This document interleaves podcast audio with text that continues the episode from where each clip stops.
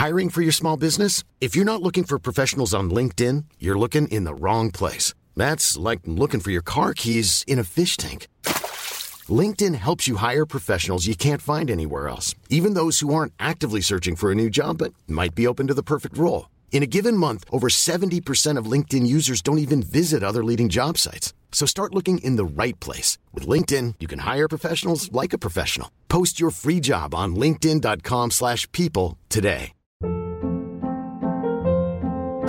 Hold up. What was that? Boring. No flavor. That was as bad as those leftovers you ate all week. Kiki Palmer here, and it's time to say hello to something fresh and guilt-free. Hello Fresh. Jazz up dinner with pecan-crusted chicken or garlic butter shrimp scampi. Now that's music to my mouth. Hello Fresh. Let's get this dinner party started. Discover all the delicious possibilities at hellofresh.com. Many of us have those stubborn pounds that seem impossible to lose, no matter how good we eat or how hard we work out. My solution is PlushCare. PlushCare is a leading telehealth provider with doctors who are there for you day and night to partner with you in your weight loss journey. They can prescribe FDA-approved weight loss medications like Wagovi and Zepbound for those who qualify. Plus, they accept most insurance plans. To get started, visit plushcare.com slash weight loss. That's plushcare.com slash weight loss. The Great Resignation om människorna som försvann från arbetsmarknaden under pandemin och som inte kom tillbaka. Mm. Det är ju så att pandemin fick många att ofrivilligt lämna sina jobb. Och nu visar det sig att det inte alltid är så lätt för arbetsgivare att få dem tillbaka. Nej, och det här kallas för the great resignation, den stora uppsägningen så att säga. Och eh, det är en tydlig trend i vårt västra grannland USA, men utvecklingen syns också globalt. Och då undrar vi, vilka är det som inte kommer tillbaka till arbetslivet och varför? Och det här ska vi prata om i dagens avsnitt.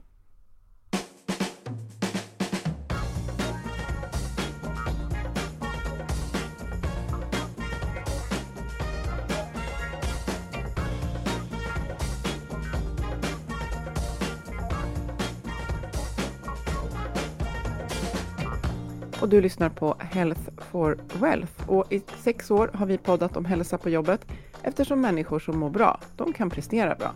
Mm. Det känns skönt att säga att det, det, sa vi för sex år sedan och det kan vi fortsätta säga. Det gäller. För eh, hälsa och välmående på jobbet, ja, vi behöver det och det beror på flera faktorer. Till exempel goda samarbeten, ett meningsfullt syfte, rätt resurser och så behöver vi utrymme att agera självständigt. Dessutom är det rätt bra att ha trygga ledare som har tid att leda. Och I podden så tar vi med hjälp av våra gäster ett helhetsgrepp på hälsan på jobbet. Och vi är Ann-Sofie Forsmark, hälsostrateg, ledarskapskonsult och jag driver organisationen Oxigroup. Och Boel Stier, copywriter och kommunikatör. Varje vecka delar vi inspiration, idéer och tips för ett bättre och mer hållbart arbetsliv för dig som är chef, ledare, HR eh, HR-specialist eller jobbar med HR. Och förstås alla er som är medarbetare eller vill bli eller kanske precis har sagt upp er, för det är det vi ska prata om idag. Ja, precis. Eh, och du har ju läst på och jag har också bekantat mig med det här begreppet som vi ju enades om att vi, vi, vi översatte det inte, utan the, the Great Resignation. Och när du läste om det här, vad, vad kom du fram till att det handlade om då? Mm. Nej, men det verkar som att det här begreppet, eh, eller uttrycket, myntades av en professor Anthony Klott på Texas A&M University i USA. Och vad han gjorde då? Han förutsade att många skulle lämna sina jobb när pandemin var över och när vi återgick till en ny sorts normalitet. Och åtminstone i USA har det verkligen blivit så. Rekordmånga jobb är lediga just nu, över 10 miljoner. Och samtidigt, för det här skulle ju kunna vara bra då om det samtidigt fanns många som sökte de här jobben som var lediga, men det är inte så. Utan det har visat sig att en stor grupp människor faktiskt väljer bort arbetslivet. Ja, och eh, det är intressant och då funderar jag på vad, vad var, varför får, förutspådde han då att många skulle lämna jobben och, och också då vad då väljer bort? Behöver man inte liksom, jobba längre. Nej men precis, jag fick också klia mig i huvudet där för att de, de flesta behöver ju ändå det. Eh, nej men det här handlar ju om flera saker och en sak som man som alla förstås hade kunnat tänka sig är ju det här att man kanske håller i sin trygghet under pandemin fast man vill bort. Och då blir det no, no, någon slags ketchup-effekt sen när pandemin är över, att då kan man flytta på sig. Men det är ju inte bara det, utan det är också pensionsavgångar som förstås hade hänt ändå. Men eh, här visar det sig att många fler, eh, många fler har gått tidigare. Och här tänker man sig att den starka börsutvecklingen kan ha bidragit till att ge människor den möjligheten. Men sen handlar det ju också om att alltså det finns ju positiva grejer här tänker jag för, för den som då väljer att inte återvända och det finns negativa. Och precis som alltid är det ju de som är resursstarka som klarar sig bäst och som har mest eh, val, störst valfrihet. Eh, och det är också faktiskt tyvärr så att män har större möjligheter än kvinnor. Men så här är det ju då, vissa har valt att skära ner på arbetstiden. Så det, kan inte all, det handlar inte alltid om att man väljer att inte jobba alls.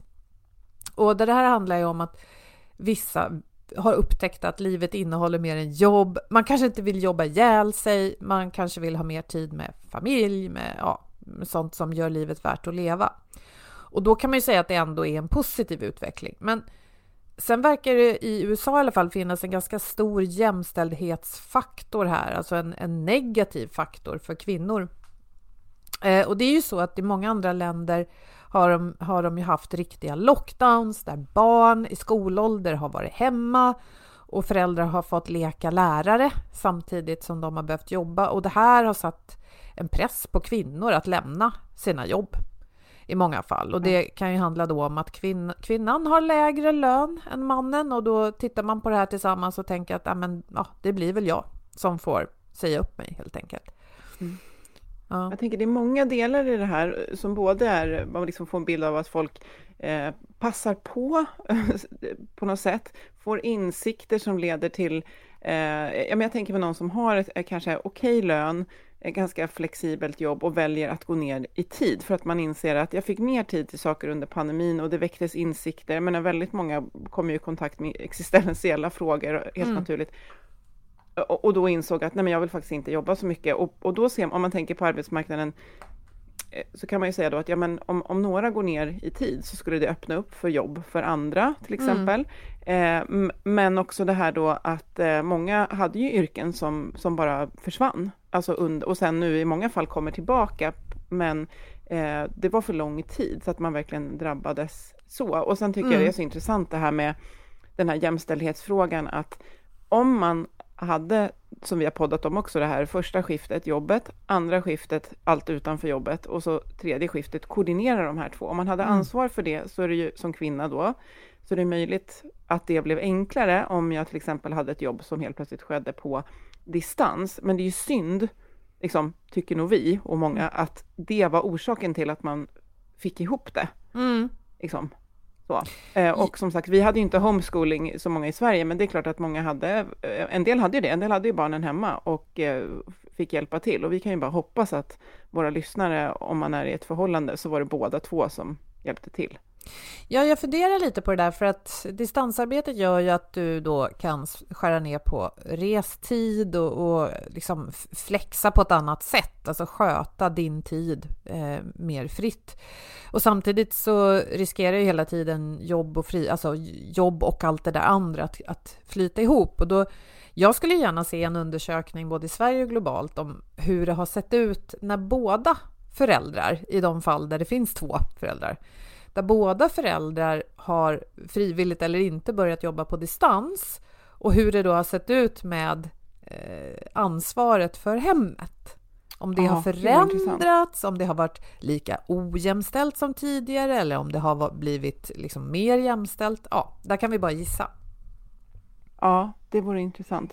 Det finns säkert någon undersökning på det som vi kan eh, gräva fram och, och återkomma till. Men, men eh, jag tänker, jag har ju läst lite om det här också, men, men mer, eh, ja, hur ska jag beskriva hur jag, har, hur jag har tänkt kring det, men jag har liksom gått igång då personligen på det här att wow, eftersom liksom både du och jag brinner för hållbarhet i arbetslivet, eh, och, och, du har varit egen, jag är egen, och, och jag tänker att eh, det jag märker är ju att många har fått ta del av det som jag tycker att jag tar för givet när jag är egen, den här flexibiliteten.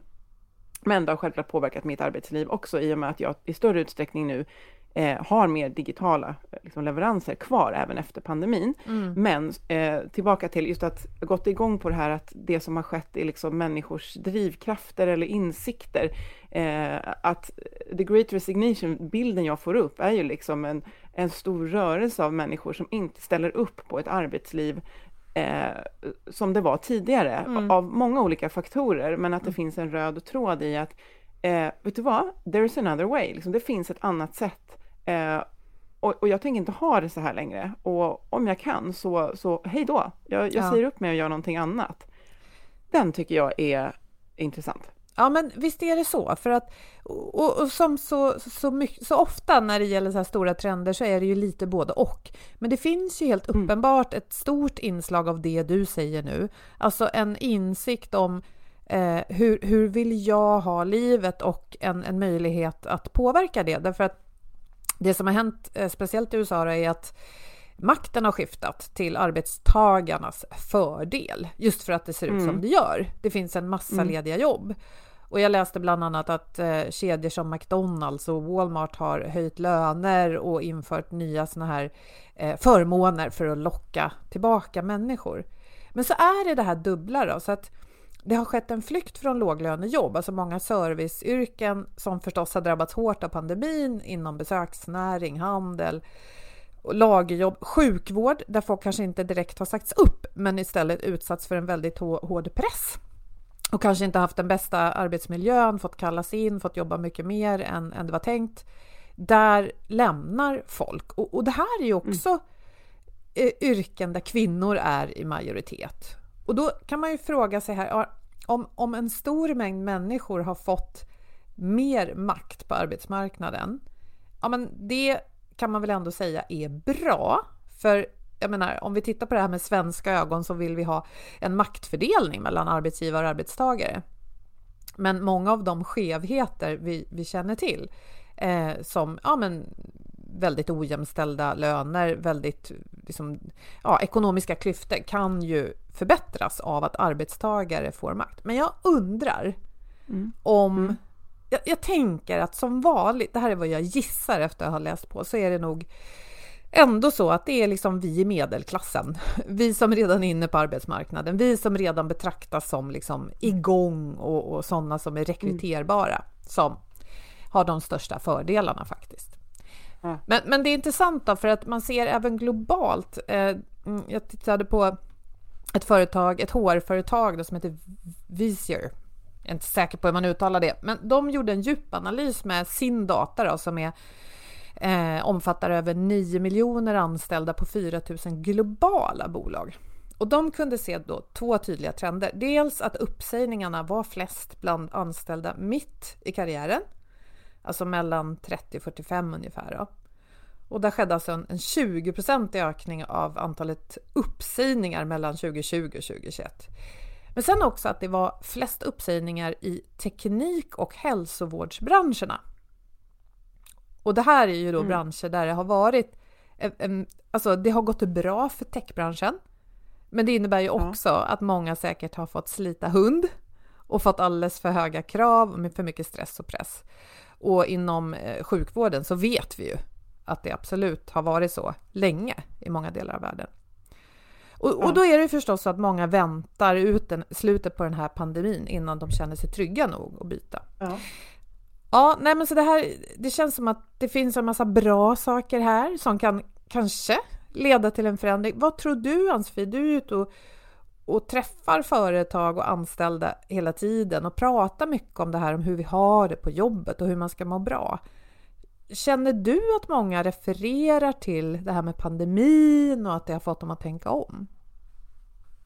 Ja, alltså det är tudelat. Mycket är ju fokuset på ja, men det här, eh, hur gör vi nu efter pandemin och det här hybrida som, som man kan liksom känna så här, ja men det är man trött på att prata om. Fast det är jätte, jätteviktigt att prata om det just, just nu, för det pågår och, eh, och, och det, vi vet inte var pendeln kommer stanna. Den kommer förmodligen inte stanna utan så. Och då, eh, och då blir det ju ett fokus där och där tänker jag, precis som vi pratade om den här maktbalansen mellan arbetsgivare och arbetstagare, så är ju ett framgångsrikt förhållningssätt till det, det är ju att man hjälps åt inom organisationen mellan medarbetare och liksom ledning, hur det ska skapas. Och gör man det på ett bra sätt, då tänker jag att om man är någon som har fått ett uppvaknande på något sätt under pandemin, kan känna att men här vill jag stanna, för att de här insikterna om mina behov och det jag behöver, det, tas, det lyssnas på här och vi hjälps åt att skapa eh, goda förutsättningar kring det. Liksom, vi går tillbaka framåt till någonting nytt. Men, eh, men, men sen så upplever jag faktiskt också, så här, om man pratar med människor på individnivå, Eh, så, och också kanske också ganska mottaglig, eftersom jag är egen så är det ju många som är liksom nyfikna på, eh, för det kan ju vara en ny väg, att bli egen. Så. Mm. Och sen mm. vet jag inte om det är sprunget från pandemin eller inte, men, men jag tycker generellt i samhället att det har liksom, ja det ruskas om, gör det. Och jag tänker, om jag tänker på teknik, nu, nu spekulerar jag bara i det här, men där tänker jag att om man jobbar med den typen av, av tjänster så skulle man kunna generalisera att de kanske skulle kunna vara ganska platsobundna om man jobbar med IT-frågor och inte liksom konkret operativt bygger någon te teknisk apparat. Man behöver vara på plats. Eh, så, så kanske just det här liksom lite mer digitala nomadlivet är mycket enklare inom den branschen och att några företag då kanske var snabba på att visa på att här kan du få jobba precis var som helst. Jag tänker typ Spotify. Mm. Eh, och, och, då kanske det är lätt att säga upp sig någonstans där det inte sker och välja att jobba någonstans där det sker. Det, var, det är bara en tanke. Det var mm. bara liksom en, en, en spekulation. Så. Ja, men det är intressant, för det du säger där och, och Spotify är ett tydligt exempel på det. Eh, där finns det förstås, du och jag vet inte exakt hur det ser ut in hos dem, eh, men där man Nej. bygger techtjänster som eh, vad ska jag säga, alltså konsumtionen av de techtjänsterna händer lite då och då när konsumenten känner för det. Det är alltså inte ja. så att leverantören av det här och konsumenten behöver träffas på en plats. Titta här, varsågod, här får du din musiklista. Nej, så är det ju inte. Och det är inte heller så att, att någon behöver trycka på en knapp samtidigt som den andra ska lyssna, utan det är ju en leverans Nej. som är både tid och platsoberoende. Och de här två grejerna med tid och plats är lite intressanta som, som filter och titta på vad det är som händer nu. Eh, mm. och, det har ju egentligen inte med pandemin att göra bara, men tid och platsberoende branscher fick ju ta den allra hårdaste smällen under pandemin. Och framförallt mm. platsberoende, därför att ja, när vi träffas, det är då vi kan smitta varandra. Så det här ja, vet vi redan. Det är hotell, restaurang, resebranschen, musik, underhållning. Ja. Men och då visar det sig att de verksamheter som har mer, eh, ja, det kanske är platsberoende det man levererar. Eh, men är, man behöver inte vara där samtidigt som, eh, säg en, så här, en, en självservicestation för att eh, tanka din bil. Sådär. Det är, mm. ja, den typen av verksamheter har klarat sig bättre. Men sen ja. är det ju så att där tiden är samtidig men där platsen är oberoende, ja men då går vi ju vidare. Då blir det ju ofta delvis digitalt. Alltså det kan vara mattjänster för hemleverans. Mm. Där förstås maten behöver ju vara tillagad någonstans och den behöver hämtas av någon. Men eh, det är liksom inte så att du bara serverar lunch mellan 11 och 13. Utan folk kan bli hungriga lite när som. Eh, nätdoktorer som ju har gjort att vi mm. kan då besöka eh, vården lite oberoende av när och var vi behöver den. Där har det ju gått ännu bättre. Men den största rörelsen av arbetskraft, alltså var folk vill jobba, det är faktiskt mot verksamheter där man varken är beroende av tid eller plats. Och det kan ju vara då mm. olika, ja men alltså det är ju ofta tekniska digitala lösningar, onlinebutiker, ja. techtjänster och så vidare där det kanske finns en, en, fysisk leverans i bakgrunden, men då mm. är det ju inte till lagret de flesta söker sig, utan till utvecklingen av tjänsterna. Mm. Ja, det är jätteintressant. Intressanta eh, reflektioner. Men jag, jag tänker, och i, i, i Sverige då? Mm. Ja, men det här med vad, vad the great ja. resignation, det verkar inte ha kommit hit ännu i alla fall. Och Eh, en av alla artiklar jag läste om det här eh, i DN, där var det en, en, svensk expert som sa det att, eller jag tror att hon också, eller jag vet att hon lutade sig mot arbets... Eh, eh men gud, vad heter de nu då? Nu känner jag mig dum i huvudet. Där man söker jobb. Jag har fått afasi, Ann-Sofie. Arbetsförmedlingen. Ja, jag fick också det nu. Arbetsförmedlingen, ja. Hur kunde jag inte komma ihåg det?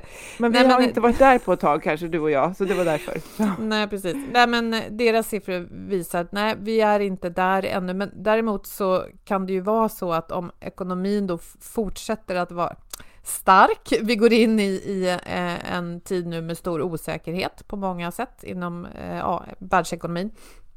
Men mm. framförallt inom branscher där utvecklingen är stark så kommer det ju finnas ett stort eh, behov av, eh, av att anställa folk och då ja, då, då, kommer man hur som helst att vara mer beroende av vad arbetstagare vill och vilka krav de ställer på sina jobb. Och det kan ju vara sånt som att nej, men vi vet ju till exempel att det finns väldigt många nu som absolut inte är beredda att släppa på den här möjligheten att jobba på distans och det får de flesta nej. arbetsgivare bara tugga i sig faktiskt. Ja, Precis, och då kommer vi in på det där som jag, jag tror att vi har pratat om just att ja, men det, vad som är rätt eller fel, vart man behöver jobba för, för att få det bäst. Eh, det, man kanske inte har råd att vara så tuff med det för att man behöver kunna säga att eh, ja, men här får man göra, här får du göra som du vill, men vi hoppas att vi kommer skapa liksom, förutsättningar och incitament för dig att faktiskt vilja vara inne på kontoret så mycket som det behövs för att verksamheten ska nå sina bästa resultat. Mm. Eh, men, men jag tror inte att, eh, alltså, som du säger, när, när det är sånt krig om talangerna i vissa branscher, Eh, och, och, jag också vet att bland de första frågorna som rekryterare får nu är eh, vad är riktlinjerna för liksom hybridarbete och det kan vara en sån här, det hade man inte frågat för några år sedan kanske. Eh, och det kan vara en game changer, så kanske man måste säga att ja, här, här, här får man göra lite som man vill, för det är mm. någonting som man nu mer förutsätter. Eh, om det inte är liksom helt givet att jag ska stå i den här kassan, ja men då mm. förstår jag, kan jag jobba hemma? Nej, det funkar inte riktigt så.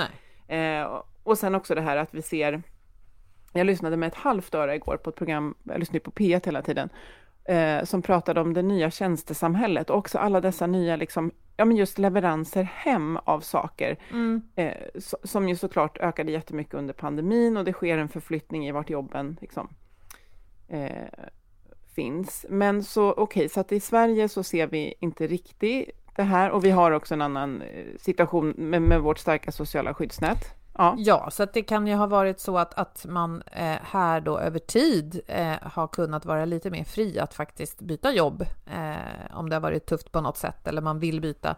Men, men något som är intressant, för allt det här handlar ju inte om pandemin. Pandemin har väl i stort sett bara förstärkt trender som redan har funnits.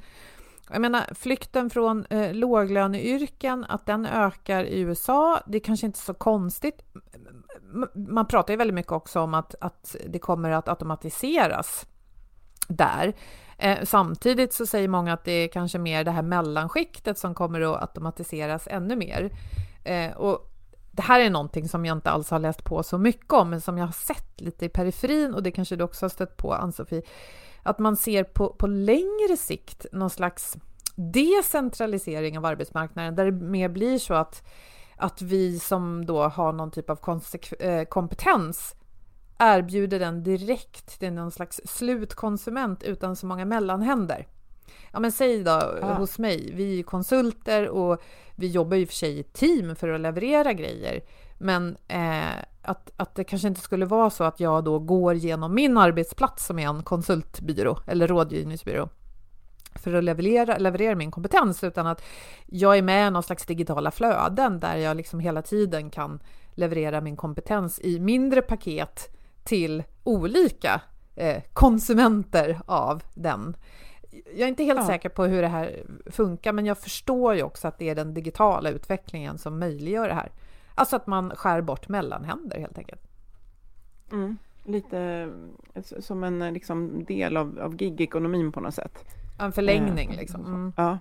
Ja, men och, och, och, jag tänker att ja, men, den här eh, utvecklingen då eh, till, ja, mer, mer, om man generaliserar, mer ifrån att vi är på samma plats vid samma tid och mm. levererar saker till varandra, till att eh, plats kan vara olika, tid kan vara olika, eh, så. Och, och, och, då tänker jag så här, är den här utvecklingen eh, bra för alla? Eh, så att den, den, den, den den passar kanske inte för alla.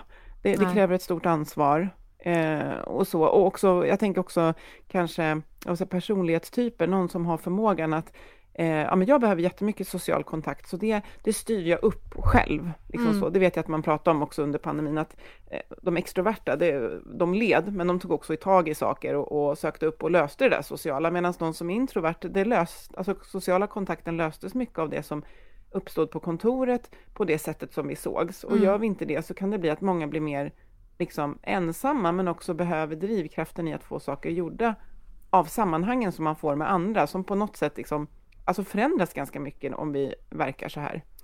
Nej men precis, när, när man läser då att, att eh, det blir allt viktigare för företag att rekrytera människor som är självgående, drivna, tar ansvar och då tar ansvar inte bara för det de ska göra idag utan även för sin personliga karriärutveckling.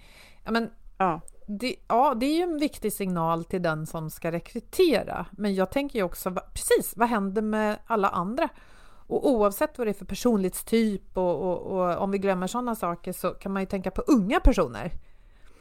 För, för det har inte varit lätt för unga som eh, det har varit svårare att komma in på arbetsmarknaden helt enkelt. Många klassiska instegsjobb eh, ja, men inom hotell, restaurang, besöksnäring och så vidare, handel. Ja, men det har ju varit tuffare då förstås under pandemin. Och jag kan tänka mig mm. att det blir ett glapp då för de som gick ut skolan kanske när pandemin började. Sen ja. är det en sak som jag tänker på också. Det, här, det är ju inte så att vi helt lämnar platsberoende jobb. Eh, så hur den ser ut i framtiden, alltså om 30, 40, 50 år, så är det ju många yrken som under en lång tid framöver kommer att efterfrågas som är platsberoende. Och där kan man ju se att, att det, det saknas människor idag inom yrken som elektriker, VVS-montör, snickare. Mm. Eh, och det saknas också lärare, sjuksköterskor, barnmorskor som vi nämnde, som mm. har sagt upp sig i mängder. IT-specialister, ja, de är i och för sig inte så platsberoende alla gånger. Men, men okej, om man tittar på det här då att det blir mer och mer asynkront som det heter. Alltså arbetet ja. är inte beroende av att vi är på samma plats eller jobbar ens samtidigt ihop. Det finns då fördelar för många som är de här självgående typerna som är inne på arbetsmarknaden. De blir mer efterfrågade. De unga kanske stängs ute. För jag tänker i alla fall att när du ska in i en verksamhet och du är antingen ung eller ny för att du har jobbat med något annat och du har skolat om dig. Visst är det så, Ann-Sofie, att det ändå är lättare att få den här guidningen man behöver när man kan vara på samma plats? Ja, nej men jag, jag, bara tänker på hur vi kommunicerar med varandra, liksom hur många dimensioner av det som, som vi vet faller bort eh, liksom i, det, i det digitala och, och hur mycket jobbigare det är. Och då kan mm. man tänka att ja, en sak är ju att ha möte med någon som jag känner och det andra är ju att någon jag inte känner, det jag dessutom ska lära mig någonting, alltså en ny roll. Att, ja, det, det, är inte helt, eh, det är inte helt lätt och precis som du säger, det blir så lätt att man eh, ibland hamnar i det här, prata om, om det som att hela samhället skulle kunna leva på det här sättet, men det, det kan det inte, det ska det inte och eh, nej, och en, i alla fall inte än, ännu, därför att okej, okay, vi kanske lär oss det här och om vi fortfarande poddar om tio år så kanske det är så här att ja, ja, men nu har man ju alltid onboarding digitalt. Det är ju inga konstigheter och, och chefer har vant sig vid att leda digitalt och så där. Så kan det ju vara, men, men än så länge är vi ju lite ovana. Ja, precis. Och, och jag menar, jag hörde någon som sa, ja, nej men för att eh, kultur, det kan, det kan man faktiskt inte bygga om man inte ses, och det får man liksom inse. Eh, så kan man inte heller säga, utan igen så bara titta på Spotify och, och andra.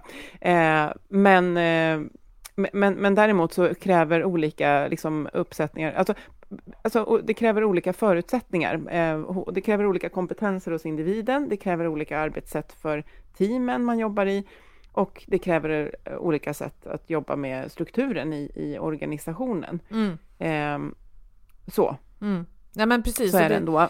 Mm. Och den, en av de artiklar jag läste på eh, eh, i inför det här avsnittet visade det också och lutade sig mot forskning då att för alla arbetsteam har det alltid varit väldigt viktigt just med rolltydlighet, tydlighet kring uppgifter och tydlighet kring hur samarbetet ska fungera.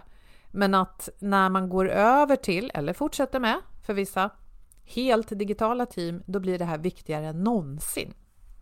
Mm, absolut. Och att återkomma till det ämnet ganska regelbundet eftersom det händer saker hela tiden. Mm. Eh, roller, eh, precis, för att eh, du hade med också någon, någon liten liksom checklista på ja, roller, uppgifter och hur samarbetet ska fungera och struktureras. Och det är inte satt i sten, utan så fort det kommer in, det händer någonting eller kan komma in en ny person i teamet så behöver man, ja, så behöver man prata om det här. Och, och bara, jag tänker tillbaka till det här när, du inte, när man inte ses och man ska guida, guida någon in i ett jobb eller själv blir guidad in. Det är ju trots allt så att för oss då, som är sådana här kontorsnissar och som jobbar mycket med en dator, så händer ju en stor del av jobbet när jag sitter med en datorskärm och tangentbord framför mig. Mm. Och när vi ses digitalt, som vi gör nu, vi spelar in digitalt, vi ser varandra, vi kan prata, vi kan lyssna på varandra och se varandra. Du kan dela skärm, jag kan titta på det, men jag ser ju inte riktigt vad du, alltså hur du använder ditt tangentbord. Alltså jag tänker att i alla fall på mitt jobb så lärde jag mig mycket av mina kollegor tidigare när jag såg såna små hacks de gjorde. Man kanske satt bredvid varandra och skulle lösa en uppgift och så såg jag så här, men ah, kolla Frida, du gör så där när du delar ett dokument eller du vet de här små vardagsgrejerna, ja. de ser ja. man inte längre. Nej, Nej, precis. Och det, det är det där att regelbundet, vad är det vi missar? Vad är det vi inte ser just nu? Vad är det vi tappar? Vad, mm. vad behöver ske när vi, när vi ses? Vad behöver vi göra då? Ja. Mm. Eh, jag tänker lite tillbaka till det här the great resignation, liksom alltså själva eh, liksom innehållet och liksom möjligheten eftersom vi poddar om arbetsplatsen. Att om vi ändå säger så här, ja men Förut pratade man väl om att sånt som skedde i USA, så tog det några månader eller ett år eller vad det nu kunde vara, utsvängda jeans eller vad det var, så kom det till Sverige. Okej, okay, men right. Eh, så, så ponera då att vi inte ser liksom samma rörelse ännu, men att det också eh, sker, tänker jag. Jag tänker att, att eh, ja, men både det här att det är att man, har, man har, hade tänkt göra någonting som man sköt upp och sen gjorde under pandemin och därför mm. blev det en extra våg då. Men om man liksom kommer till den här insikten om att nej, just, jag, vill, jag vill ha ett annorlunda arbetsliv Eh, så tänker jag att det ändå finns liksom en väldig potential i, i lite, eh, vilket jag tror att han också skriver, det här, eller hon eller han, som skrev artikeln på World Economic Forum, mm. att det finns ett win-win i det här, om mm. vi, om vi, eh, om vi tar tag i det. Mm. En win-win både för arbetsgivare och arbetstagare. Att om vi, om vi kokar ner det till att man har fått smaka på ett arbetsliv, vare sig sitt eget eller sett andras, eller fått livsomvälvande insikter att jag vill inte fortsätta så här. Så det är ju, det, ur kriser kommer ju möjligheter. Ja. Att vi har en fantastisk möjlighet nu att skapa ett, ett, ett bättre arbetsliv. Ja men absolut. Och framförallt då återigen till oss kontorsnissar, mitt i livet, mitt i karriären, så eh, finns det väldigt mycket frihet här som är en vinst. Det finns också eh, risker för gränslöshet. Det har vi poddat om många gånger, hur livet liksom flyter ihop. Men det finns mycket eh, positivt som många vill, helt uppenbart vill ha. Slippa restider, eh, slippa anpassa sig till andras kalendrar och så vidare. Och, och även för arbetsgivarna finns det ju förstås eh, möjligheter här för att man kan man kan ju rekrytera i helt andra kommuner, helt andra länder. Man behöver inte ja. bara hitta kompetensen i samma stad och så vidare. Och det gäller ju samma sak för den som söker jobb. Jag kan sitta i ett ja. land på ena sidan jordklotet och jag kan söka jobb där huvudkvarteret för företaget ligger någon helt annanstans. Mm. Och kanske, jag tänker som i Spotifys fall, eh, alla, alla skulle nästan kunna få jobba på dagtid. Ingen skulle behöva jobba natt, därför att då lägger man ju kanske supportfunktioner, alltså just, just det här som mm. Eh, man annars kanske har. Och sen, vissa, och sen kan det ju vara att det är delar av vissa yrken när man identifierar att det här går faktiskt att göra eh, lite grann hemifrån eller från den tredje platsen eller, eller så. Mm. Men, eh, men jag tycker att det är, är är jätteintressant med, med det här spåret, att man har fått någon typ av insikt och fått smak på ett nytt arbetsliv och vilka möjligheter det, eh, det kommer med. Mm. Och det är helt klart så att i många branscher i alla fall, och vad det gäller många yrkesroller, så är det även här i Sverige så att att makten är ganska stark till arbetstagarens fördel. Och det gör ju att arbetsgivare får fundera på vad, vad, kan, vad är det vi lockar med? Hur kan jag visa för folk som ska börja jobba här att man får utvecklas. Och hur kan vi, det här har vi också poddat om många gånger, hur kan vi se till att vårt kontor kanske inte är en plats där man måste vara, men en plats där man vill vara för att mötas mm. och få det sociala och bygga kulturen och ja, träffa kunder och göra allt sånt som är kul. Mm. Ja, så det, det, är stora förändringar på gång. The Great Resignation kanske inte är här ännu, men många av de här delarna i fenomenet finns här. Även här har förstås ja. Eh, varit svårt för människor som är ensamstående, för kvinnor framförallt i låglöneyrken mm. och för mm. alla stressade och pressade människor inom tech och vård så tror inte jag att situationen är så där jätte... Skillnaden är nog inte så, så jättestor när vi jämför med USA. Och där hoppas vi att eh, för er som jobbar inom de branscherna att det ger er kraft att förändra och förbättra. Eh, och jag tänker också eh, jag tänker, alltså besöksnäring och, och restauranger som inte har, eh, och liknande, som inte har pratat så mycket om att, att liksom, det går inte att generalisera kring det här, men att ja, det händer och det fortsätter hända och det är jättekul att vi har möjlighet att, att podda om sånt som händer och, och fundera kring det och eh, det här vore jätteintressant verkligen att höra eh, ärliga reflektioner kring vad, vad tror ni? När, liksom, kommer vi se det här i Sverige?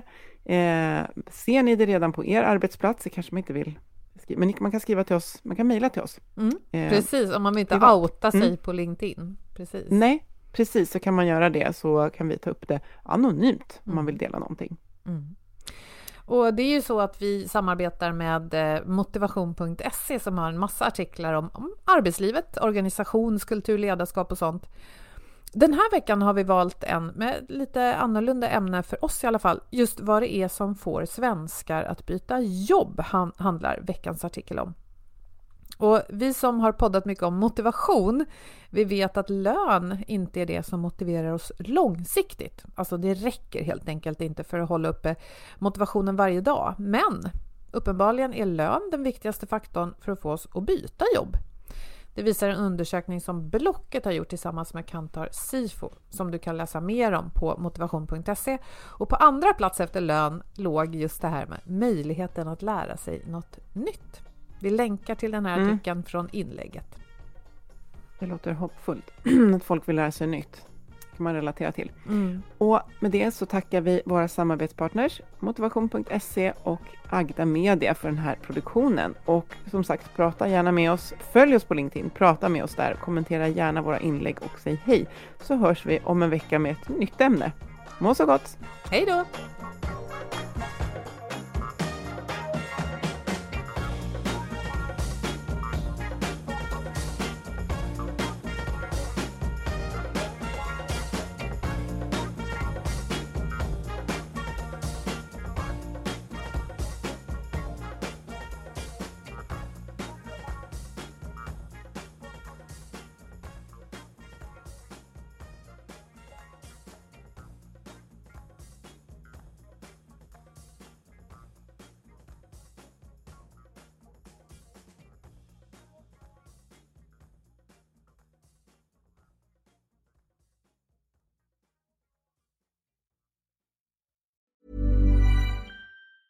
Hi, I'm Daniel, founder of Pretty Litter. Did you know cats tend to hide symptoms of sickness and pain? I learned this the hard way after losing my cat, Gingy. So I created Pretty Litter, a health monitoring litter that helps detect early signs of illness by changing colors, saving you money and potentially your cat's life. Pretty Litter is veterinarian developed, and it's the easiest way to keep tabs on your fur baby's health right at home. Go to prettylitter.com and use code ACAST for 20% off your first order and a free cat toy. Terms and conditions apply. See site for details. Ever catch yourself eating the same flavorless dinner three days in a row?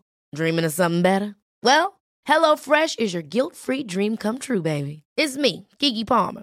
Let's wake up those taste buds with hot, juicy pecan crusted chicken or garlic butter shrimp scampi. Mm. Hello Fresh. Stop dreaming of all the delicious possibilities and dig in at HelloFresh.com. Let's get this dinner party started. Hey, it's Paige DeSorbo from Giggly Squad. High quality fashion without the price tag? Say hello to Quince.